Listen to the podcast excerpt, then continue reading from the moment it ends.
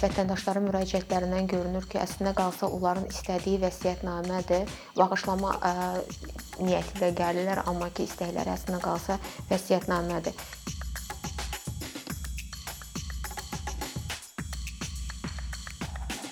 Vəkillərin müşahidəsinə görə vətəndaşlardan gələn ə, suallara əsasən belə qənaətə gəlmək olar ki, insanlarda yanlış fikir formalaşan sahələrdən biri vərəsəlikdir və biz bu gün vərəsəlik haqqında danışacağıq. Qonağımız ə, Vəkillər Kollegiyasının üzvü Aysel Əhmədova. Aysel xanım, xoş gəlmisiniz. Xoş gördük Ayşə xanım. Dəvət üçün təşəkkür edirəm. Mən də hesab edirəm ki, vərəsəlik mövzusu çox aktual və vacib mövzulardan biridir. Ona görə hesab edirəm bugünkü söhbətimiz çox maraqlı olacaq. Vərəsəlik institutu nədir və hansı məqsədlərə xidmət eləyir? Ümumiyyətlə vərəsəlik institutu niyə var?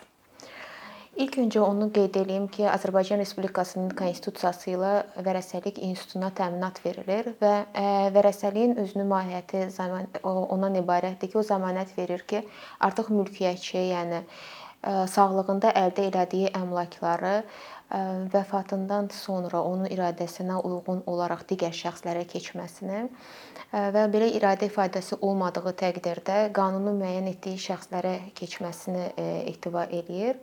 Və anlayışdan da göründüyü kimi vərəsəliyin artıq 2 növü var. Bu e, qanun üzrə vərəsəlik və vəsiyyətnamə üzrə vərəsəlik. Qanun üzrə vərəsəlik o vaxt yaranır ki, e, vəsiyyətnamə mövcud deyil e, və yaxud da ki, vəsiyyətnamə qismən və ya tam olaraq etibarsız hesab olunub. Kimlər qanun üzrə vərəsə hesab edilir? Qanunvericilik burada növbəli müəyyən edib və 5 növbə var. Əsas olaraq birinci növbə üzrə gəlir ölən şəxsin valideynləri, ata-ana, onun övladları, evlad övladlarına həmçinin bu evladlığa götürən götürülənlər də aid edilir və ər və yaxud arvad. İkinci növbədə isə müəyyən olunub bacı-qardaşlar və artıq bu növbəli bu formada davam edir. Sonra nənə-baba tərəfdən nənə-baba sonra xala, bibi, əmi, dayı və sonra onların övladları. Tutalım ki, ikinci növbə vərəsə bacı-qardaşdır, birinci növbə ər və ya arvad o siyahını sadaladınız. İkinci növbəyə nə zaman keçə bilər o vərəsəlik? Artıq daha doğrusu miras. Artıq birinci növbədə o sadılan şəxslər heç bir mövcud olmadığı təqdirdə ikinci növbə vərəsəlikdə qeyd olunan şəxslər vərəsə qismində çıxış eləyirlər. Yəni nə evladları olmalıdır şəxsin, evladlarının artıq evladı olmamalıdır. Yəni bu tam tükənməlidir bu siyahı. Ondan sonra ikinci növ vərəsəlik yaranır. Amma ən azı bir nəfər belə varsa artıq ikinci bəli, növbəyə. Bəli, ən azı birinci növbədə bir şəxs varsa, ikinci növbəli yaranmır. Vəsiyyətnamənin olmağı nə qədər vacibdir? Yəni bir şəxs əgər ölümündən əvvəl vəsiyyətnamə verməyibsə, Qanunvericilik Ayşə xanım, yəni hər hansı bir belə məcburiyyət qoymayıb ki, vəsiyyətnamə olmalıdır, amma vəsiyyətnamənin mövcudluğunu iki prizmadan baxa bilərik. Bu mülkiyyətçinin prizmasından nəyə görə belə vacibdir mülkiyyətçi üçün? Çox zaman çünki vətəndaşların müraciətlərindən görünür ki, əslində qalsa onların istədiyi vəsiyyətnamədir. Bağışlama niyyəti ilə gəlirlər, amma ki, istəkləri əslində qalsa vəsiyyətnamədir. Vəsiyyətnamə onların sağ olarkən mülkiyyət hüququnun özündə qalmasına yardım eləyir və artıq o iradəsini ölümündən ifadə eləyir və ölümdən sonra onun iradəsinə uyğun olaraq icra olunur. Digər tərəfdən vəsiyyətnamənin mövcudluğu digər prizmadan bu vərəsələrin prizmasından baxdıqda Vəsiyyətnamə mövcud olanda e, bu biraz mübahisələrin minimallaşmasına e, gətirir, çıxarır. Düz təbii ki, e, heç bir mübahisə olmayacaq deyə bir anlayış olmur, amma yenə də minimallaşmasına zəmin yaradır. Tutalım ki, bir şəxs 3 övladı var. Həyat yoldaşı, atası, anası artıq dünyasını dəyişib və həmin üç övladından birinə bütün əmlakını miras qoyub. Və bu əmlakın da dəyəri 90 min manatdır. Digər iki övlad o vəsiyyət vəsiyyətnamədə qeyd olunub ki, yəni yalnız tutalım ki, böyük oğluna verirdi hər şeyi və böyük qızına fərq eləməz. Digər digər iki övladın orada mülkiyyət payı var yoxsa? Bu halda onların oradan məcburi pay tələb etmə hüququ var. Vəsiyyətnamədə həmin şəxslər qeyd olunmadığına, yəni biz bilirik ki, qanun üzrə vərəsə hesab olunurlar. Bütün qanun üzrə vərəsələr e, birinci növ qanun üzrə vərəsə hesab olunurlar və artıq yalnız biri e, vəsiyyətnamə ilə nəzərə alındığından digər iki vərəsə evladları ondan məcburi pay tələb etmək hüquqları var və məcburi pay e, təşkil eləyir. Əgər qanun üzrə vərəsə olsaydı onlara düşəcək payın yarısı qədər. Yəni sizin də qeyd elədiyiniz kimi, ki, əgər 90 minlik bir əmlakdırsa, bunlara qanun üzrə olsaydı 3 evlad arasında bölünəcəkdi və bu olacaqdı 30 min, 30 min məbləğində 3də 1 hissə ilə belə. Amma artıq məcburi payı təşkil eləyəcək 30 minin yarısı 15 min, 15 min və nəticədə digər şəxsə 60 min yəni belə bölgü olaraq 6-da 1 hissə 6-da 1 hissə və 2-də 3 hissə digər şəxsdir və vəsiyyətnamə ilə olan vərəsəyə düşəcək. Tutalım ki, şəxs öz ölümündən 1 il əvvəl bütün əmlakını qohumu olmayan bir şəxsə bağışlayıb və ölümündən sonra onun övladları, həyat yoldaşı onunla bağlı nəsə tələb edə bilərlərmi? Yəni vəsiyyətnamə də yoxdur, sadəcə bütün əmlakını bağışlayıb. Bağışlanmış əmlakla bağlı qanunvericilik qeyd edir ki, əgər qanunla nəzərdə tutulmuş müddət çərçivəsindədirsə, vərəsələr oradan məcburi pay ala bilərlər. Bu müddət hansı 2 illik müddət nəzərdə tutulub. Misal sizin dediyiniz misalda, yəni artıq ölümündən 1 il əvvəl bağışlayıbsa və bu miras əmlakına daxil ediləcək.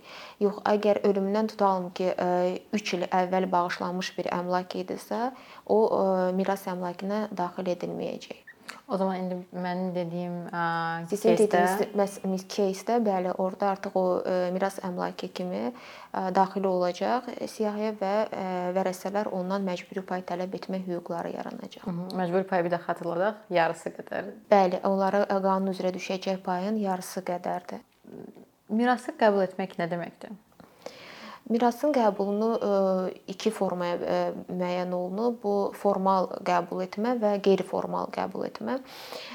Formal qəbul etmə odur ki, yəni şəxs artıq miras açılır və şəxs müraciət edir müvafiq notariat orqana və notariat orqanında ərizə verir və mirası qəbul edir.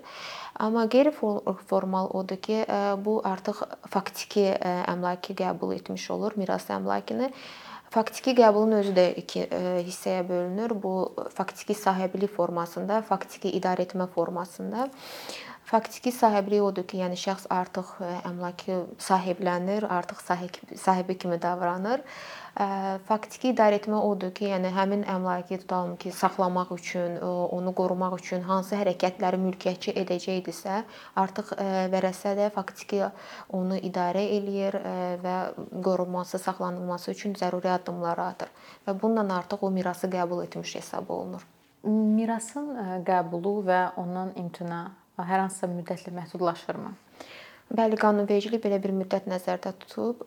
Yəni mirasın açıldığı vaxtdan 3 ay ərzində artıq mirası qəbul edə bilər. Yalnız 6 ay müddət keçdikdən sonra artıq bu yol verilmir. Eyni qaydada tətbiq olunur mirasdan imtina, yəni müddətlə bağlı nəzərdə tuturam.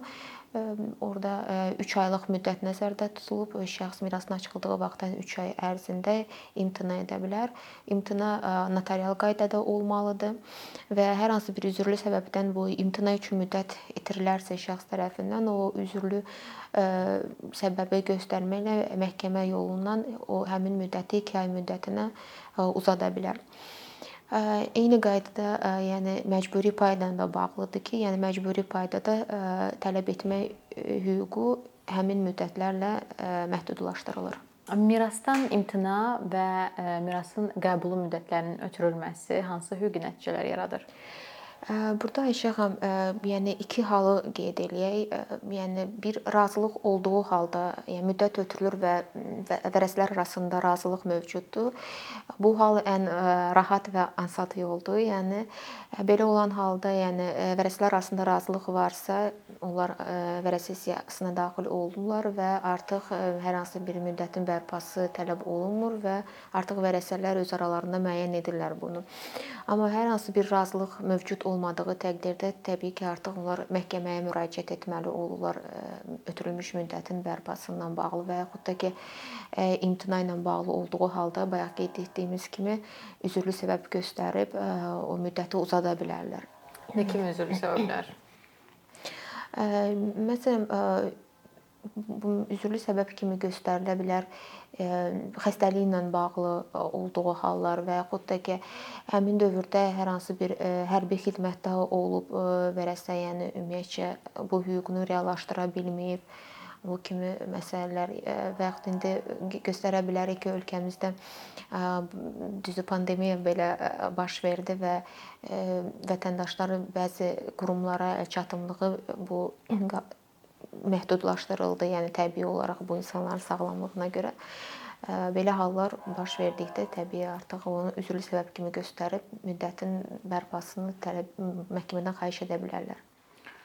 Sizə tez-tez ünvanlanan mirasla bağlı suallar hansılardır? Maraqlı məsələ budur ki, bizdə vətəndaşlarda belə bir müraciətlər daxil olur. Onlar çox zaman əmlakını bağışlamaq gəlirlər ki, mən əmlakımı bağışlamaq istəyirəm, amma sual verdikdə artıq aydınlaşdırılır ki, əslində qalsa bunlar əmlaklarını bağışlamaq yox, əslində qalsa istədikləri vərəsəlikdir, yəni vəsiyyətnamədir, xüsusən vəsiyyətnamənin qoyulmasıdır və çünki biz onlara izah etdikdə ki, yəni siz artıq bağışlama elədiyiniz vaxtdan, yəni artıq o əqd qüvvəyə minir və çıxarış artıq dəyişir. Orda siz mülkiyyətçi olmursunuz. Bütün hüquq sərəncam verici hüquqlar, bütün hüquqlar mülkiyyətçi olaraq keçir. Bağışladığınız şəxsə onlar bir anlıq dayanırlar və mahiyyətcə düşünürük, o bizə lazımdır vəsiyyətnamənin qoyulması və çox zaman bundan sonra müraciət edirlər artıq notariat orqanına ki, vəsiyyətnamə qoysunlar.